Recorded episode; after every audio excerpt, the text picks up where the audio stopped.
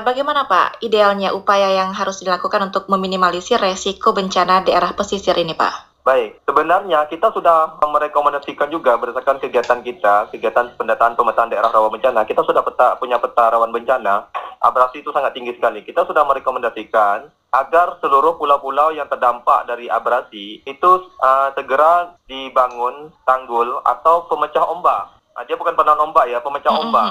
Ombaknya nyampe ke pantai itu tidak uh, tidak kuat lagi atau yeah. dia sudah mengurai gitu. Pemecah ombak pun sebenarnya itu sifatnya seperti model bintang gitu. Dia ngikat, menahan, dia tidak juga segi empat. Tapi bisa juga kita lihat dari kecepatan arus juga, kecepatan gelombang juga, atau ketinggian gelombang. Apabila seperti di pulau-pulau Midai, itu memang tidak ada penyangga-penyangga lain, itu sangat mungkin juga harus lebih banyak juga untuk pemecah ombaknya. Terus di Pulau Serasan yang sudah buat atau ada kegiatan itu di Pulau Midai, di Pulau Serasan, terus di Cemaga, di Laut Cemaga ada juga. Terus di Pantai Piwang dulu pernah ada juga, tapi dia modelnya memanjang, dia macam-macam model. Mana harapan kita, kita pun sudah ada juga mengajukan proposal ke BBS. Alhamdulillah sebenarnya sudah mau direkomendasikan, sudah mau dilaksanakan. Tetapi uh, dikarenakan ada uh, kejadian bencana banjir di Tanjung Pinang, kemungkinan yeah. dialihkan Pinang. Tapi harapan kita mohon doa sama semoga ada satu titik untuk Kabupaten Natuna. Jadi sekarang kita lagi mengonsep juga membuat salah tetap untuk rekomendasi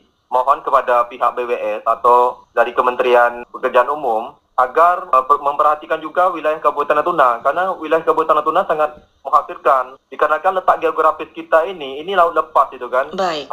Kita ber, kita berbatasan atau kita gerbang utama Republik Indonesia berhadapan dengan negara tetangga. Apabila kita cepat mengatasi kejadian abrasi ini akan ibaratnya mengurangi batas wilayah, batas maritim kita, iya. pulau kita mengecil gitu. Mm -hmm, baik. Makanya mohon, mohon perhatian dari pemerintah pusat juga, khususnya Kementerian Pekerjaan Umum, agar segera uh, menurunkan kegiatan-kegiatan dana-dana APBN ke Pulau Natuna karena Pulau Natuna ini makin mengecil setiap tahun makin mengecil. Iya. Boleh kalau kita lihat di wilayah setiap wilayah-wilayah pesisir kita lihat buktinya dari pohon kelapa itu pohon kelapa yang sudah tanam lama itu tumbang, banyak tumbang, banyak mengikis. Mm -hmm. Apalagi juga kita lihat sekarang ukuran skala wilayah Pulau Natuna ini makin mengecil, bukan makin besar kecuali kita lakukan uh, seperti misalnya nambah lagi lepas laut seperti kegiatan reklamasi misalnya. Tetapi reklamasi pun harus punya izin. Terus reklamasi pun sebenarnya merusak ekosistem juga. Iya, baik. Pak Elkadar?